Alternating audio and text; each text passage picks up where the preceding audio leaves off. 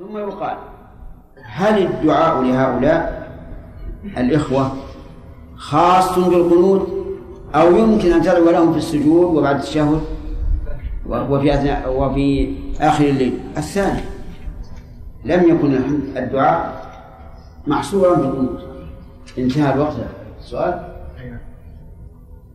القول الراجح. أنه واجب على العيان أنها واجبة على الأعيان. على كل أحد ولا على الرجال ولا على النساء؟ على الرجال خاصة طيب. ما هو الدليل على الوجوب؟ أمر النبي صلى الله عليه وسلم به. أمر النبي صلى الله عليه وعلى آله وسلم بها حتى النساء. العواتق وذات القدور طيب. إذا فاتت الأخ. إذا فاتت. لا تغضب نعم فاتت لا تغضب لا تقضى كالجمعة. تمام. لا تقضى لأنها شرعت على وجه معين وإذا فاتت لم يحصل هذا الوجه المعين فلا تقضى كالجمعة. لو قال قائل الجمعة يصلي بدلها الظهر. قل يا أخي.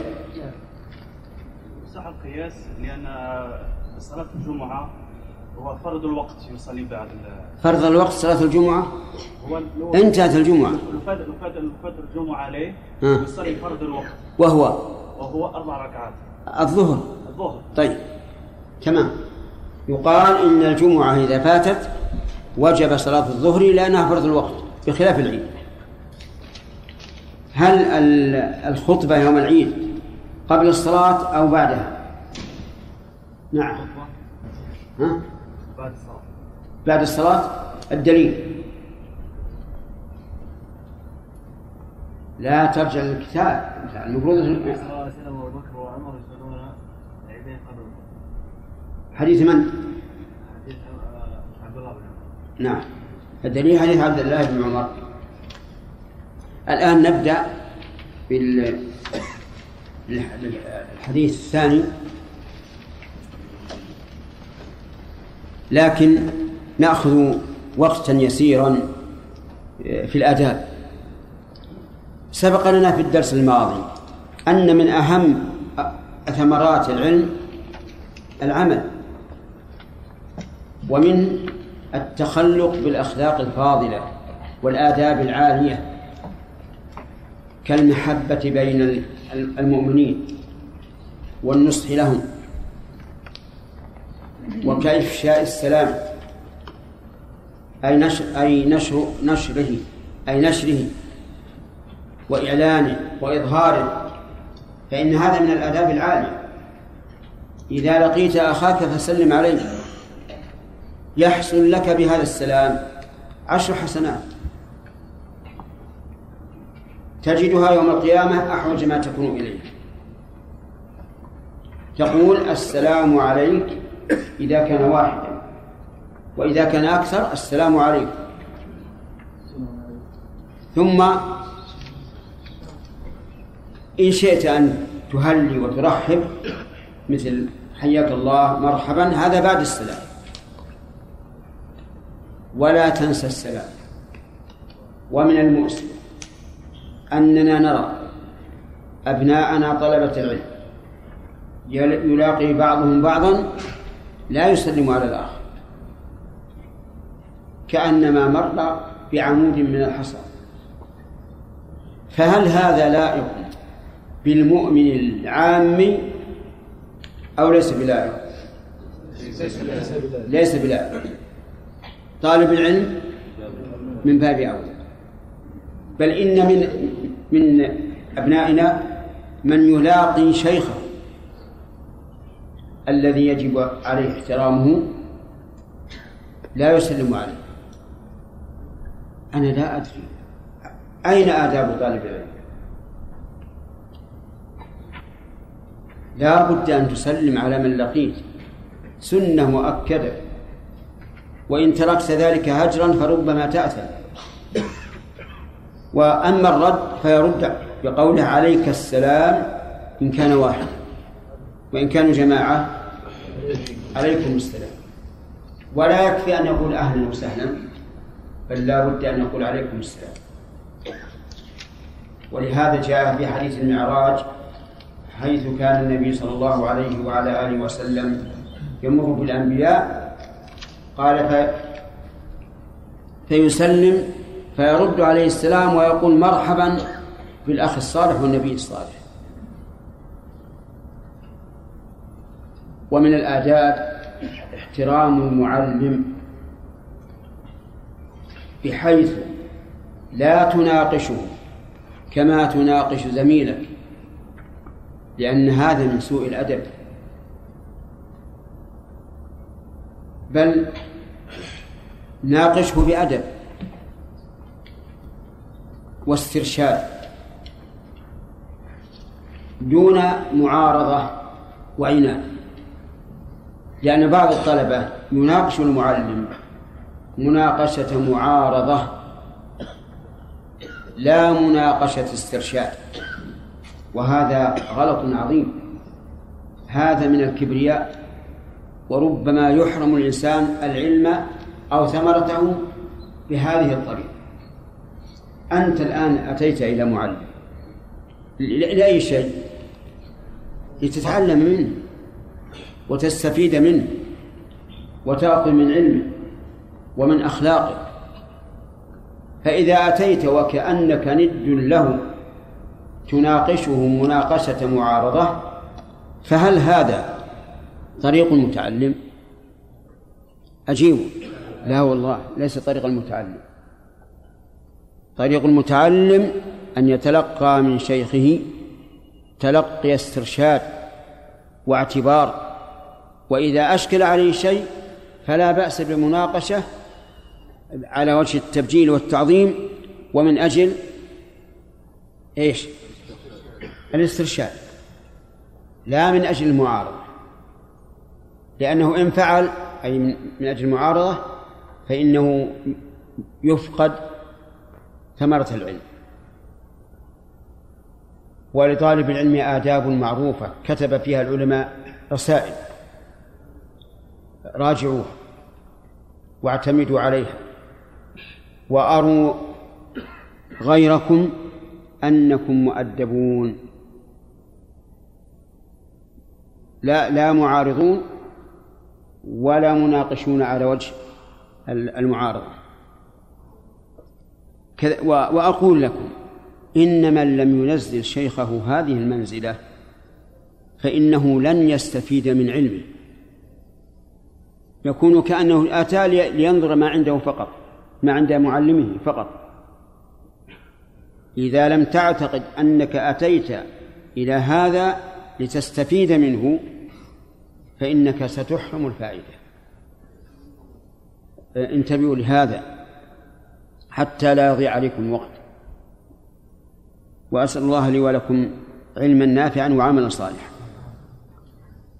نعود إلى درس اليوم فيقول عن عن البراء بن عازب رضي الله عنه قال خطبنا النبي صلى الله عليه وعلى آله وسلم يوم الأضحى بعد الصلاة.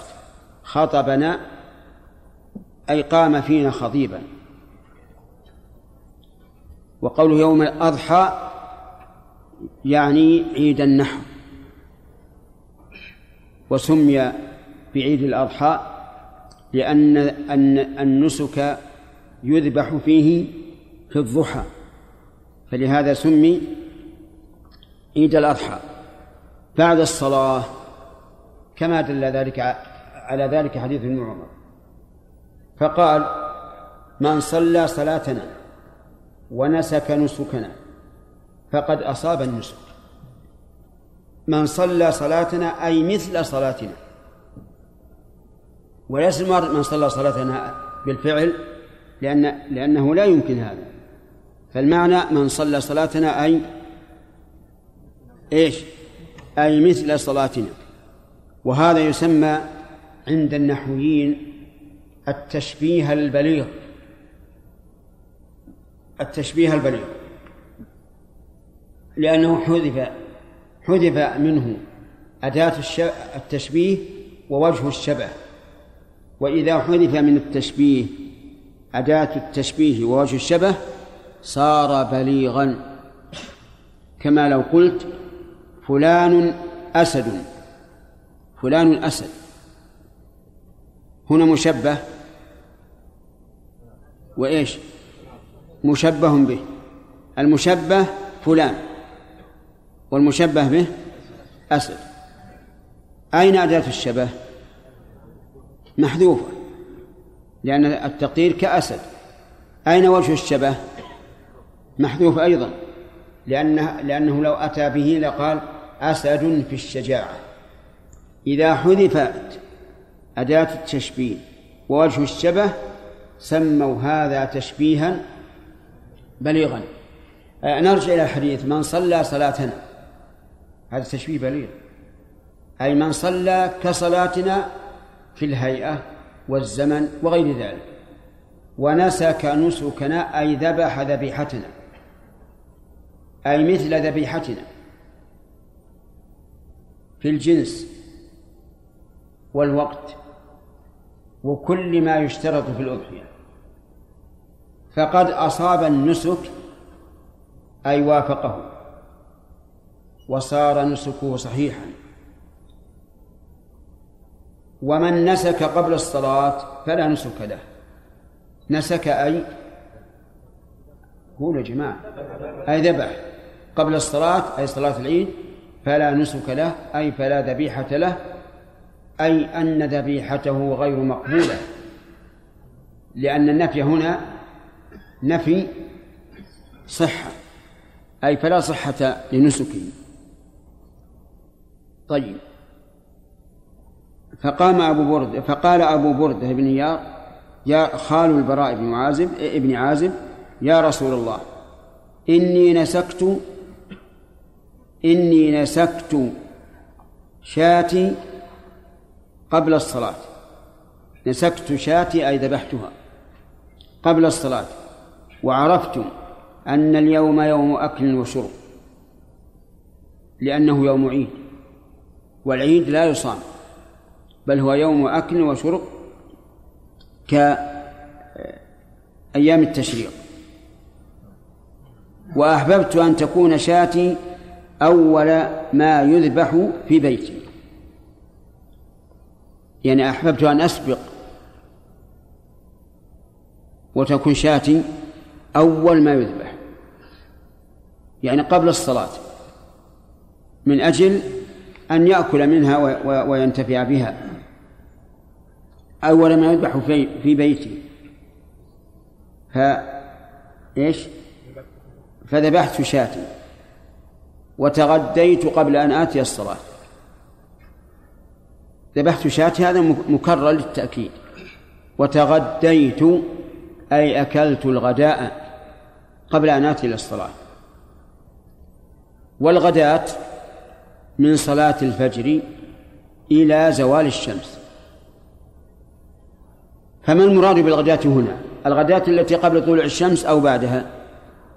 الغداة التي قبل طلوع الشمس. يعني ذبح بعد صلاة الفجر وأكل. يسمى هذا غداء. كما لو أكل في السا... بعد طلوع الشمس بساعة يسمى غداء. وتغديت قبل أن أنتهي للصلاة إذا قال قائل لماذا حملتموها على الأكل قبل طلوع الشمس؟ فالجواب لأن النبي صلى الله عليه وعلى آله وسلم كان يعجل في صلاة الأضحى. فتعين أن تكون نسيكة أبو أبي بردة قبل قبل طلوع الشمس. فقال النبي صلى الله عليه وعلى آله وسلم شاتك شاة لحم. يعني لا لا شاة أضحية. فكما فهي كما لو ذبحت في اليوم التاسع أو في أول يوم من ذي الحجة أو في شوال. شاة لحم. ليست قربة. يعني أنها غير مقبولة. لأنها قبل الوقت. الآن بطلت أضحية أبي بردة لأن النبي صلى الله عليه وسلم قال إنها شاة لحم ليست أضحية. فقال يا رسول الله نعم شاة لحم. فقال يا رسول الله فإن عندنا عناقا هي أحب إلينا من شاتين. إن عندنا عناقا بفتح العين وهي الصغيرة من المعز. لها دون سنة. أربعة أشهر أو نحوها. نعم لها أربعة أشهر أو نحوها. صغيرة. لم تبلغ السن. لكنها عنده غالية أحب إليه من من شاتين. يعني فهل يجزي أن يضحي بها؟ فقال النبي صلى الله عليه وسلم نعم قال نعم. هي أحب إلينا من شاتين. أفتجزي عني؟ قال النبي صلى الله عليه وعلى آله وسلم نعم. أي تجزي عنك. تجزي فيها لغتان. تجزي وتجزي. تجزي من الثلاثي من جزاء والمضارع يجزي بمعنى يكفي. تجزي لغة لغة ثانية بمعنى يكفي لكن اللغة الأولى لغة الحجازيين والثانية لغة بني تميم. وعلى هذا من قرأ تجزي لا ينكر عليه ومن قرأ تجزي لا ينكر عليه لأنهما لغتان عربيتان وقيل إنهما لغة واحدة وأن هذه اللغة تنطق تارة بهذا وتارة بهذا وعلى كل حال فليس لا فلسنا نهتم إلا بجواز أن يقال تجزئ أو تجزي. قال نعم أي تجزع تجزي عنك. ولن تجزي عن أحد بعدك. لن تجزي عن أحد بعدك أي لا تكفي لأحد بعدك. لماذا؟ لأنها لم تبلغ السن المحدد شرعا. فإن السن المحدد في الأضحية أن تكون ثنية أو جذعة جذعة من الظأن وثنية مما سواه. استمع.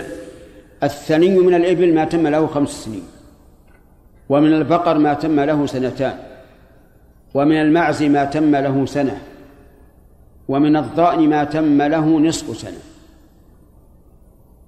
فما دون ذلك فإنه لا يجزي. آه، فسر لي السن المحدد. الأخ. ارفع يدك. نعم. اللي وراء. من الإبل ما تم له؟ نعم. ومن البقر سنتان. ها؟ المعز سنة واحدة. الظأن نصف سنة. بارك الله فيك. طيب العناقة اللي ذكرها أبو بردة من أي الأقسام؟ من أي الأصناف؟ من المعز. فلا فلا يجزي إلا ما تم له سنة. لكن هذه قال فيها النبي صلى الله عليه وعلى آله وسلم لن تجزي عن أحد بعدك. في هذا الحديث فوائد متعددة. منها أن المشروع آه نعم من منها مشروعية صلاة عيد الأضحى. وقد سبق القول بأن بأن الراجح أنها فرض عين كالفطر ومنها أن الخطبة بعد الصلاة. لقول البراء خطب بنا خطبنا يوم الأضحى بعد الصلاة. ومنها أن من عمل عملا صالحا بل من عمل عملا يتقرب به إلى الله فإن وافق الشريعة فهو مقبول وإن خالفها فهو مردود. وجه الدلالة قوله من صلى صلاتنا ونسك نسكنا فقد أصاب النسك ومن ذبح قبل الصلاة فلا نسك له. وهذا فرد من أفراد عموم الحديث التي روته عائشة عن النبي صلى الله عليه وعلى آله وسلم أنه قال من عمل عملا ليس عليه أمرنا فهو رد. ومنها أن من فعل العبادة قبل دخول وقتها ولو جاهلا فعليه إعادتها إن كانت واجبة فواجبة وإن لم تكن واجبة فسنة. الدليل قول النبي صلى الله عليه وعلى آله وسلم من نسك قبل الصلاة فلا نسك له. وأطلق. ثم نزيد على هذا أن النبي صلى الله عليه وعلى آله وسلم قال لأبي بردة حين أخبره أنه ذبح قبل الصلاة قال له إيش؟ شاتك شاة لحم. مع أنه جاهل. وعلى هذا يعني يتفرع على هذا مسائل كثيرة لو أن الرجل صلى الظهر يظن أن الشمس قد زالت فتبين أنها لم تزل فهل تجزئ عنه عن الظهر أو لا؟ لا تجزئ فعليه إعادتها لكن ماذا يكون العمل السابق؟ قال العلماء يكون نفلا لأنه نوى بصلاته شيئين الصلاة وكونها الظهر. قد بطل كونها الظهر بكونها قبل الوقت وبقي نية الصلاة. طيب إذا قال قائل كيف يصح هذا القول؟ وقد قال النبي صلى الله عليه وعلى آله وسلم في حديث أبي بردة شاتك شاة لحم. فالجواب لأن الأضحية ليست كالصلاة فيها فرض نفل الأضحية حكمها واحد فما وافق الوقت فهو صحيح. وما لا فلا. ومن فوائد هذا الحديث أن العبادة المؤقتة لا تصح قبل وقتها مطلقا وأن النية لا تؤثر فيها. لقوله شاتك شاة لحم. وهنا سؤال إذا كانت شاة لحم هل يجوز بيعها؟ بيع اللحم يعني. نعم يجوز لأنها شاة لحم. وشاة اللحم يجوز بيع لحمها. لكن هل يضمن هل يضمن هذا الذي ذبح الأضحية قبل الوقت وقلنا أعدها وشاتك شاة لحم هل يضمن أو لا؟ بمعنى هل يلزمه أن يذبح بدلها أو لا يلزمه؟ الجواب في ذلك تفصيل. إن كانت منذورة بمعنى أنه قد نذر أن يضحي هذا العام وجب عليه الإعادة. ويأتي بمثلها أو خير منها وإن لم تكن نذرا فلا شيء عليه لأن النافلة يجوز للإنسان أن يبطلها في أثنائها فكيف وقد أتى بها جاهلا قبل الوقت؟ طيب فهمنا الآن أن من قدم العبادة المؤقتة على وقتها لم تصح.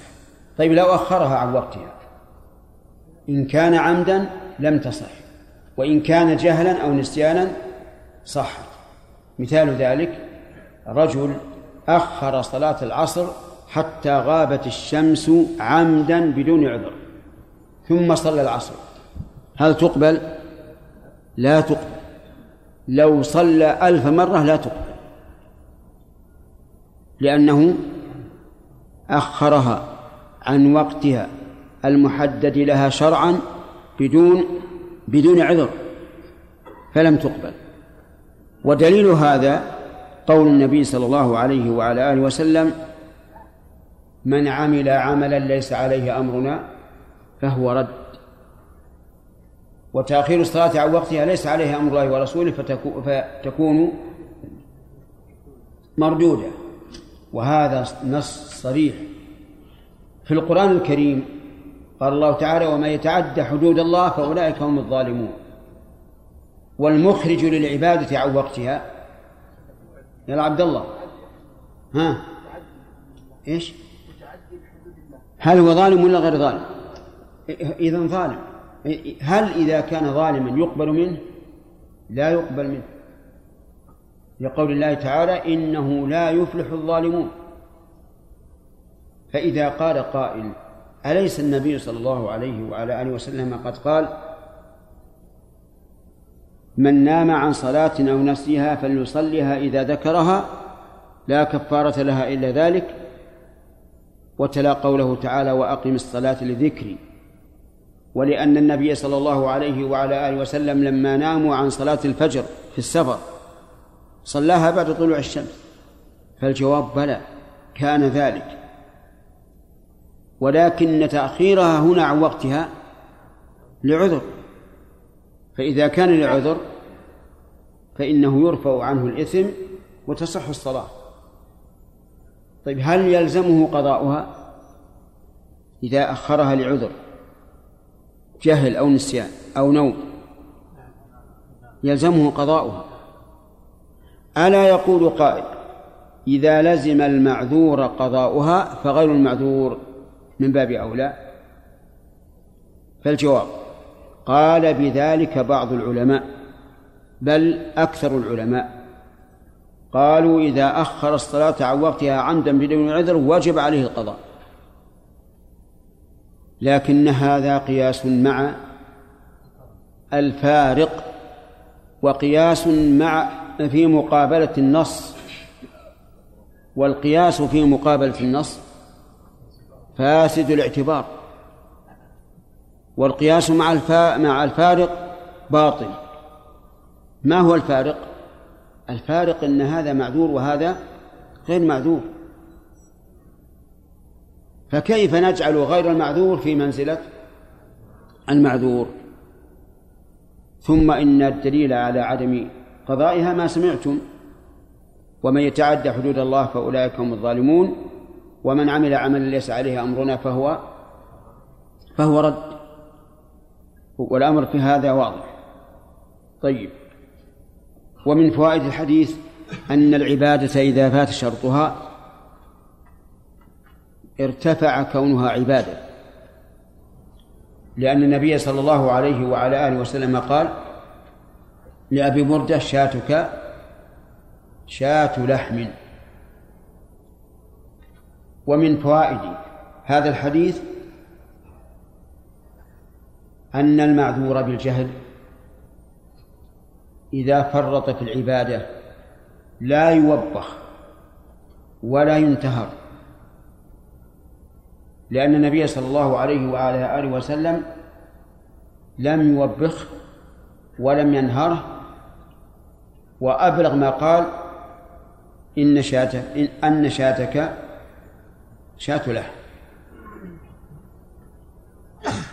فإذا جاء إنسان يسأل قال إنه ذبح أضحيته قبل أن أن يصلي. فإن من هدي النبي صلى الله عليه وعلى آله وسلم أن لا يوبخ بل يبلغ أنها لا تجزي وأما أن يوبخ ويقال أخطأت تعديت تسرعت وما أشبه ذلك فغلط. لأن هناك فرقا بين الجاهل الذي جاء يسترشد والمعاند الذي فعل المحرم عن قصد وعلم. ومن فوائد هذا الحديث أن الإنسان إذا فعل فعلا يلام عليه فإنه ينبغي أن يقدم العذر. لئلا يلومه الناس. ورحم الله امرأ كف الغيبة عن نفسه. رحم الله امرأ كف الغيبة عن نفسه. وجه ذلك أن أبا بردة لما ذكر أنه ذبح مبكرا بين السبب لكنه سبب لا يسوغ له أن أن يذبح قبل الوقت إلا أنه كما قلت لكم ينبغي للإنسان أن إيش؟ يذب عن نفسه وأن يذكر العذر الذي يرفع اللوم عنه. ومن فوائد هذا الحديث إجزاء العناق في من ذبح قبل الصلاة جاهلا. وجه ذلك أن النبي صلى الله عليه وعلى آله وسلم أذن لأبي بردة أن يذبح العناق بدلا عن الشاة. اسمع يا رجل هل هذه الاستنباط صحيح أو غير صحيح غير صحيح؟ لماذا؟ لأنه قال لا تجزع عن أحد بعده نعم هذا هو الذي عليه جمهور العلماء. وقالوا إن هذا من خصائص أبي بردة ابن نيار رضي الله عنه. والله يختص برحمته من يشاء. ولكن أبى ذلك البحر شيخ الإسلام ابن تيمية رحمه الله. وقال إن الشريعة الإسلامية لا تنظر إلى الأشخاص بأعيانهم إنما تنظر إلى الأشخاص بأحوالهم وأوصافهم لأن الشريعة واحدة لكل أحد. لا تنظر للشخص بعينه. طيب فإذا قال قائل يرد على شيخ الإسلام رحمه الله خصائص النبي صلى الله عليه وعلى آله وسلم لأنه اختص بأشياء. فالجواب سهل. أن النبي وهو أن النبي صلى الله عليه وسلم اختص بهذه الخصائص لوصف لا يوجد في غيره. ما هو ابن جمعة؟ الرسالة والنبوة. فهو اختص بهذه الخصائص لا لأنه فلان ابن فلان ولكن لأنه رسول الله.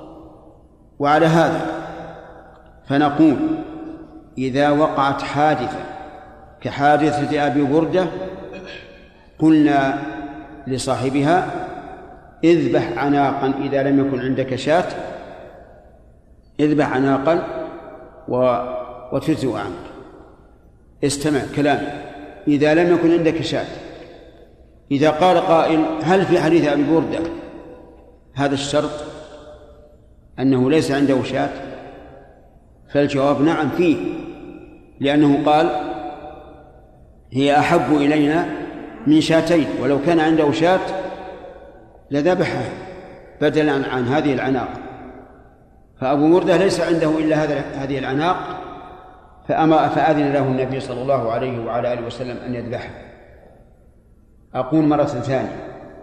لو وجد إنسان ضحى قبل الصلاة قلنا له شاتك شاة له.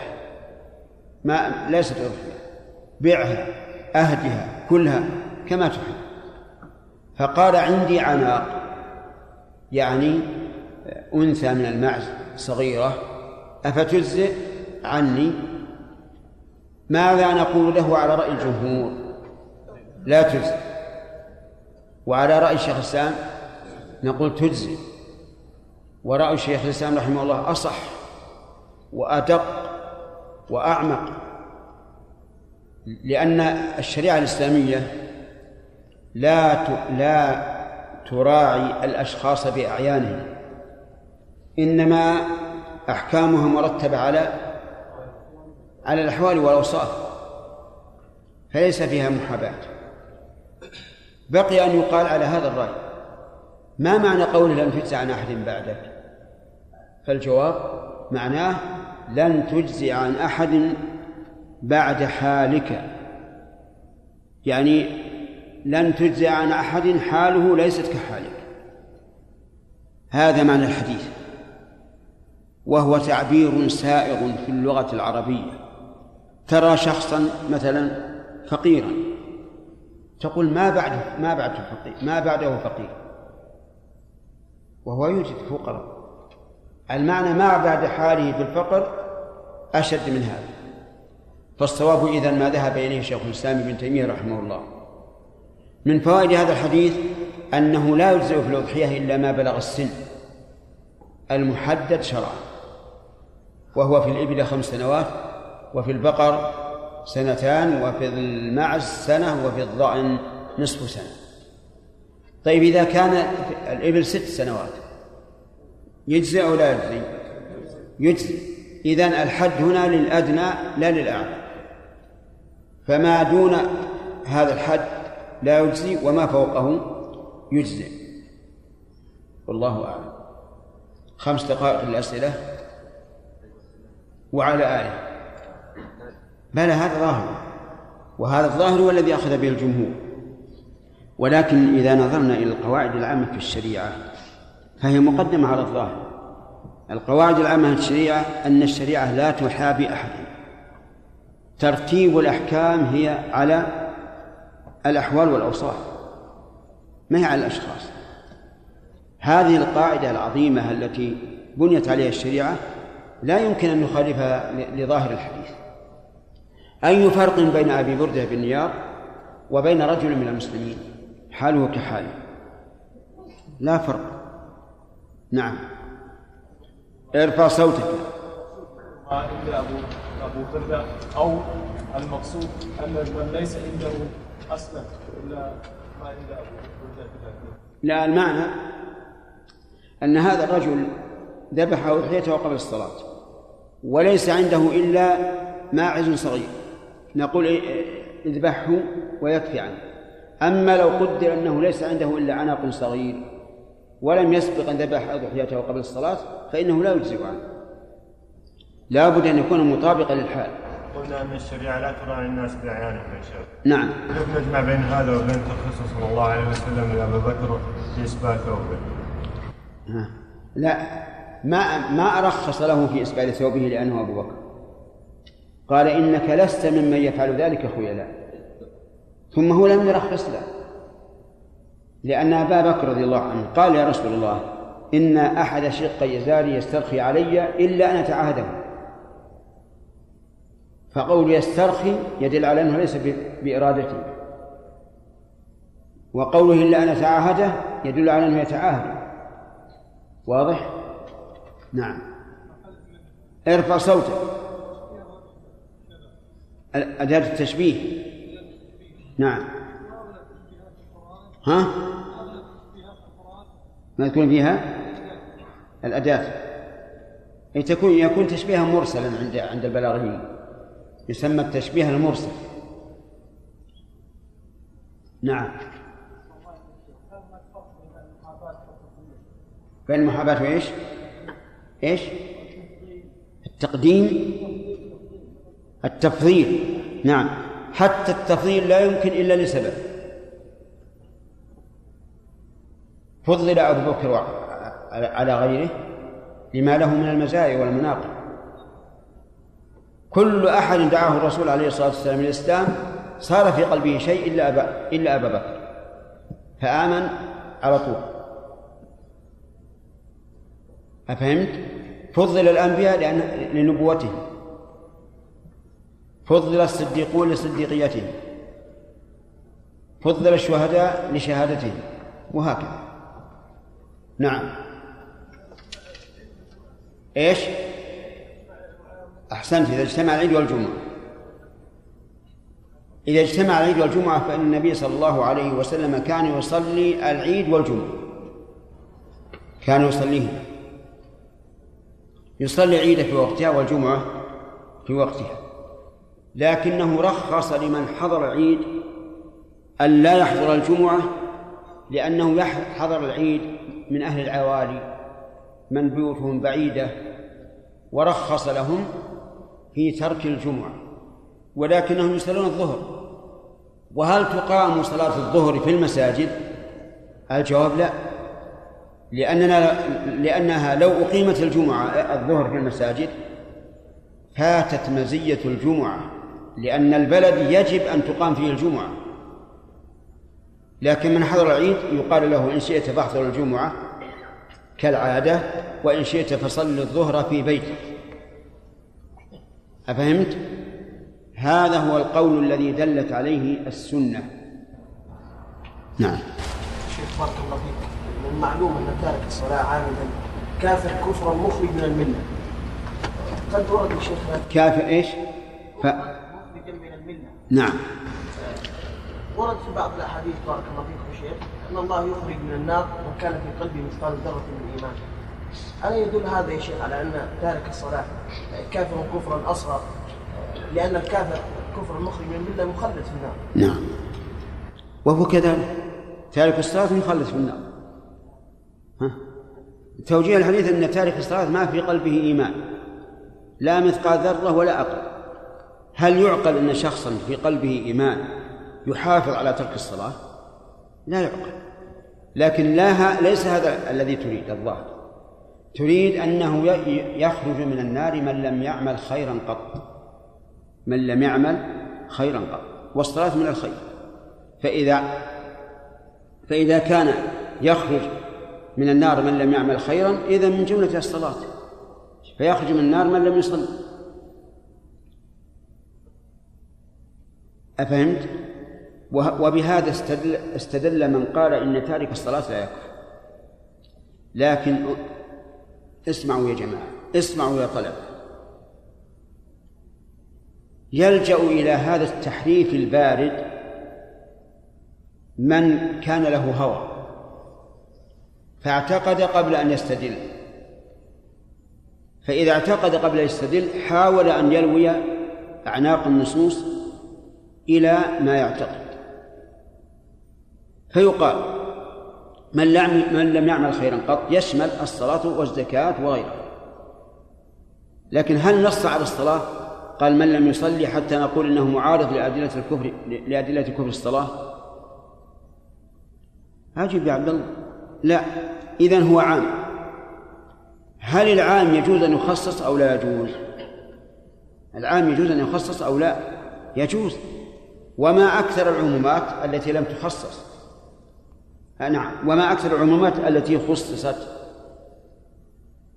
حتى قال بعض الأصوليين ما من عام إلا يخصص إلا قول إلا قول الله عز وجل والله بكل شيء عليم. لكن هذا القول غير صحيح. أكثر العمومات والحمد لله غير مخصصة. أفهمت؟ نعم يخصصه أدلة كفر تارك الصلاة. واحذروا احذروا احذروا أن تبنوا النصوص على اعتقادكم. بل ابنوا اعتقادكم على النصوص. ولهذا يقال استدل ثم احكم استدل ثم احكم. ولا تحكم قبل أن تستدل فتزل وما أكثر الخطأ في من يحكم ثم يستدل.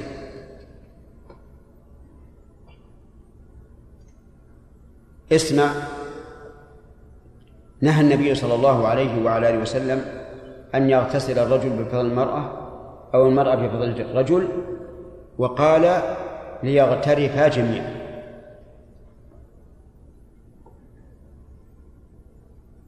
طيب لو أن الرجل اغتسل بفضل المرأة فالمذهب لا يرتفع حدث ولو اغتسلت المرأة بفضل الرجل ارتفع حدث مع أن الحديث واحد. مع أن الحديث اغتسال الرجل بفضل المرأة قد جاء فيه نص فقد اغتسلت ميمونة رضي الله عنها ثم في جفنة ثم أراد النبي صلى الله عليه وعلى آله وسلم أن يغتسل منها فأخبرته أنها اغتسلت فقال إن الماء لا يجري.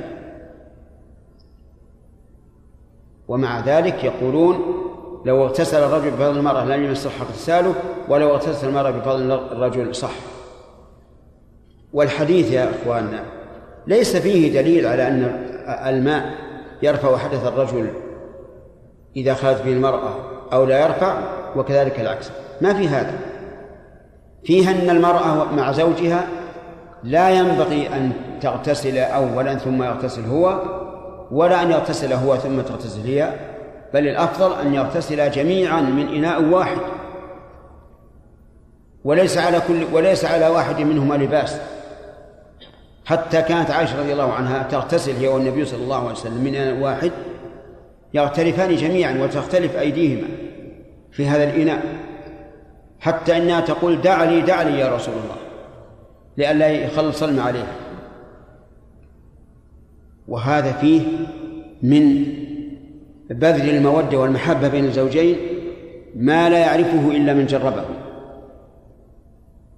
أن تغتسل أنت وزوجتك في إناء من إناء واحد وفي مكان واحد.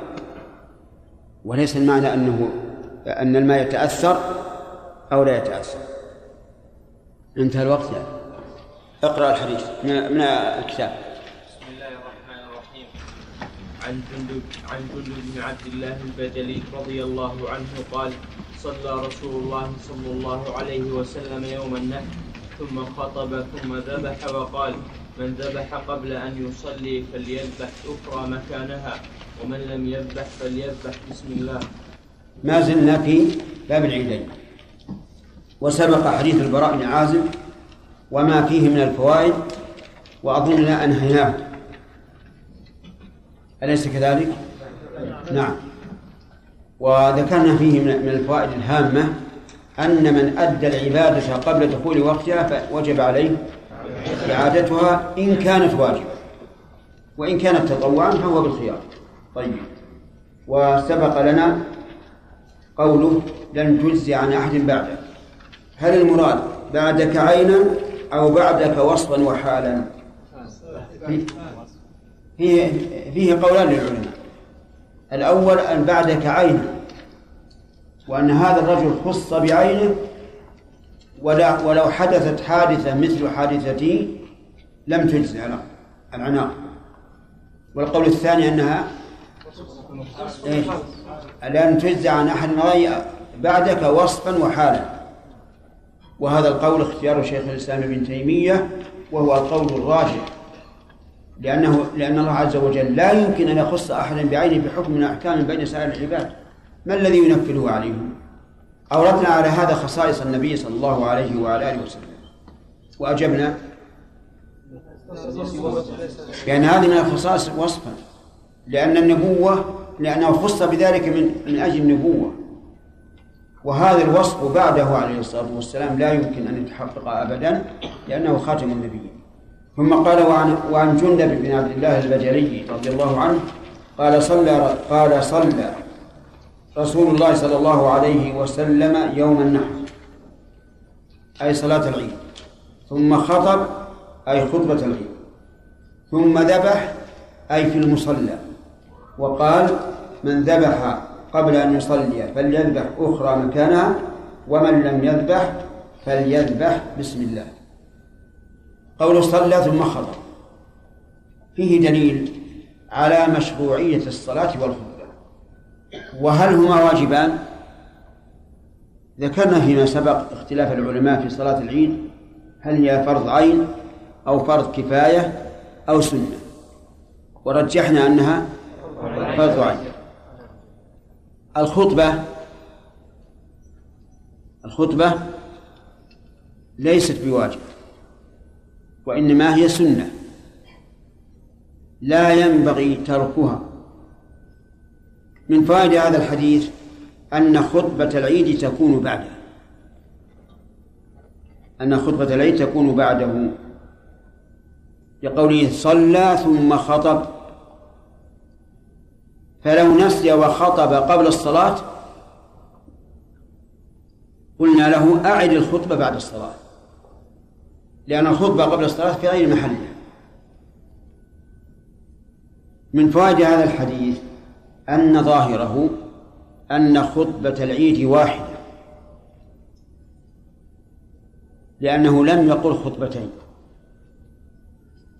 وإلى هذا ذهب بعض أهل العلم وقال إن الخطبة واحدة.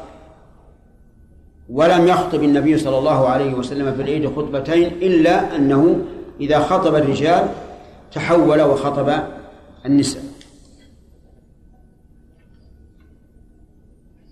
ومن فوائد هذا الحديث ما نجره من الحديث السابق. أن الخطيب ينبغي له أن يخطب بما يناسب الحال. بما يناسب الحال.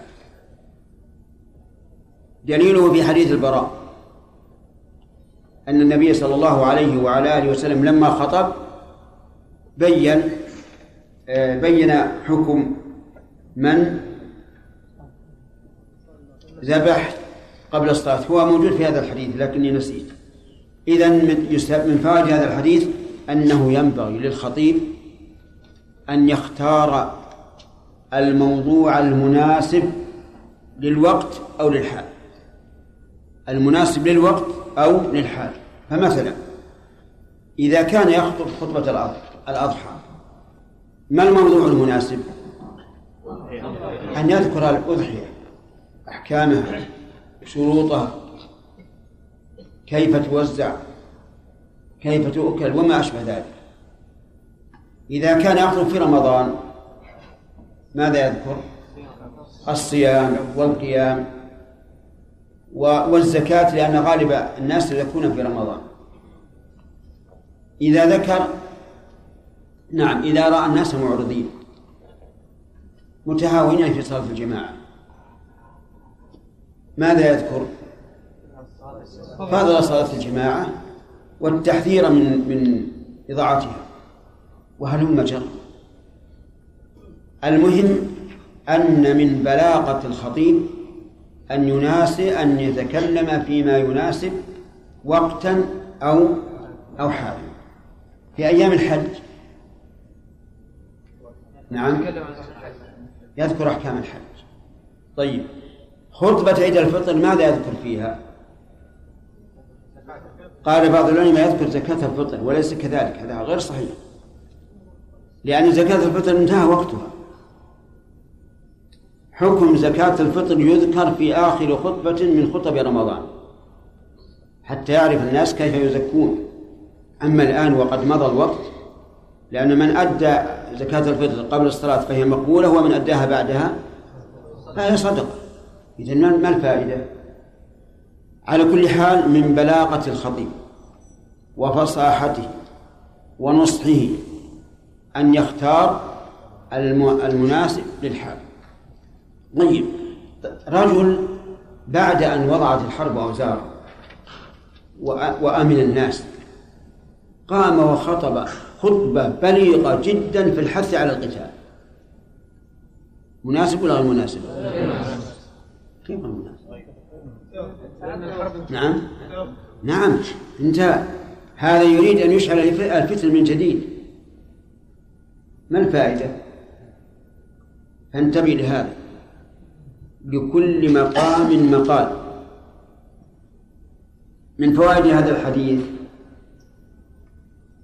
مشروعية ذبح الأضاحي في مصلى العيد. لا في لا لا في مكان الصلاة لكن قربة. الدليل أن النبي صلى الله عليه وعلى آله وسلم كان يضحي في المصلى يذبح أضاحيه في المصلى. والحكمة من ذلك إظهار هذه الشعيرة. لأنها جعلها في المصلى كل الناس يشهدونها الصغار والكبار هذا إظهار لها. ومن جهة أخرى تمكين الفقراء من الأخذ منها. لأنهم حاضرون. ومن فوائد هذا الحديث مشروعية الأضحية لفعل النبي صلى الله عليه وعلى آله وسلم. وللآيات والأحاديث في ذلك. وهل هي واجبة أم سنة؟ ظاهر كلام شيخ الإسلام ابن تيمية أنها واجبة وهو ظاهر النصوص وأنه يجب على من كان قادرا أن يضحي ما لم يكن حاجا. فإن كان حاجا فالهدي قائم مقام الأضحية. وأما من كان في البلد وهو قادر فإنه يجب أن يضحي. لأن الأضحية شعيرة من لم يحج. أنتم فاهمين يا جماعة ولا لا؟ طيب. من فوائد هذا الحديث أن السنة أن يباشر الإنسان ذبح أضحيته. لأن النبي صلى الله عليه وعلى آله وسلم كان يباشر ذبح أضحيته. لكن بشرط أن يكون يعلم كيف يذبح. لأني أخشى أن إنسان يأتي يذبح ولا يعرف ثم تحرم الذبيحة. لا بد أن يعرف ومحل الذبح الرقبة. ويجب فيه قطع الوجين قطع الوجين ما هما يا أنت ارفع يديك ما هما؟ لله ترك الوجين في العنق. معلوم لأن كذا الذبح في العنق من أصل طيب. الوجان هما العر... هما العرقان الغليظان المحيطان بالحلقوم. عرفتهما؟ ها؟ أجب نعم ولا لا؟ وين؟ هذه؟ وهذه طيب. هذان هما الوجهان. وبهما يتحقق إنهار الدم. وقد قال النبي صلى الله عليه وعلى آله وسلم ما أنهر الدم وذكر اسم الله عليه فكل. في الرقبة من, من, من هنا من الأمام الوجان والحلقوم والمري. أربعة أشياء. كم؟ أربعة أشياء الوجان العرقان الغليظان والحلقوم والمري الحلقوم مجرى النفس يصل إلى الرئة والقلب. وانظر حكمة أحكم الحاكمين حيث جعل هذا الحلقوم مدببا بمنزلة الأنبوب من أجل أن يسهل التنفس. لو ض... لو كان ضيقا أو لم يكن مدببا لحصل ضرر عظيم. ومن حكمة الله أن جعله خواتيم كالخواتم كل لية وحده لماذا؟ ليسهل على الإنسان رفع الرقبة وإنزال الرقبة. لو كان عظما واقفا لشق على الإنسان أن يضع أن يخفض رأسه ويرفعه. لكن جعل هكذا. حلزوني. حلزونيا يعني أنه حلقات. وهذا من حكمة الله عز وجل. ما هو المري؟ المري مجرى الطعام. مجرى الطعام والشراب. وهذا كالأمعاء يعني أنه ليس مفتوحا كالحلقوم لكنه يسهل جدا إذا استأذن استأذنت اللقمة أو الشربة أن تدخل إلى الجوف يأبى عليها أو أو يفتح لها بسهولة. نعم. إحنا نتكلم عن السليم دعنا من المريض. بسهولة. لكن لو كان مفتوحا دائما كالحلقوم ما أدري. لكن ربما يكون الإنسان يأكل ولا ولا يشبع ويشرب ولا ولا يرضى لكن الله جعله مختوما ولكنه سهل الانفتاح إذا استأذنت اللقمة أو الشربة. هذه الأربعة يا أخوان الحلقوم والمري والوجه الأيمن والوجه الأيسر إذا قطعها الإنسان كلها فهذا أكمل ما يكون من الذبح وإن قطع الحلقوم والمري فقط دون الوجهين حلت عند بعض أهل العلم. ولم تحل عند الآخرين. لأن النبي صلى الله عليه وعلى آله وسلم قال ما أنهر الدم وقطع الحلقوم والمري لا ينهر الدم. وإذا قطع الوجهين وحدهما حلت عند قوم من العلماء ولم تحل عند آخرين. والراجح أن الذبيحة تحل لأنه إذا قطع الوجهين صدق عليه أنه أنهر الدم. ولذلك تجد هذين الوجهين عند عند الذبح يشخبان دما بقوة يندفع بقوة حتى يفرغ الدم. من اللحم أو حتى يفرغ اللحم من الدم. فالقول الراجح أن الذي يجب قطعه هما الودجان فقط والباقي كمان لأنه روى أبو داود حديثا عن النبي صلى الله عليه وسلم أنه نهى عن شريطة الشيطان وهي التي تذبح ولا تفرى أوداجها. محل الذبح؟ عجيب نعم العنق أو أو, أو الرقبة. من أولها إلى آخرها. لو ذبح الإنسان من نصف الرقبة حلت. من أسفلها من مايل الصدر حلت. من أعلاها من مايل الرأس حلت. نرجع إلى الحديث. يقول ثم خطب ثم ذبح. وقال من ذبح قبل أن يصلي فليذبح أخرى مكانها يعني من ذبح أضحيته قبل أن يصلي فليذبح أخرى مكانه. وهذا كحديث أبي بردة.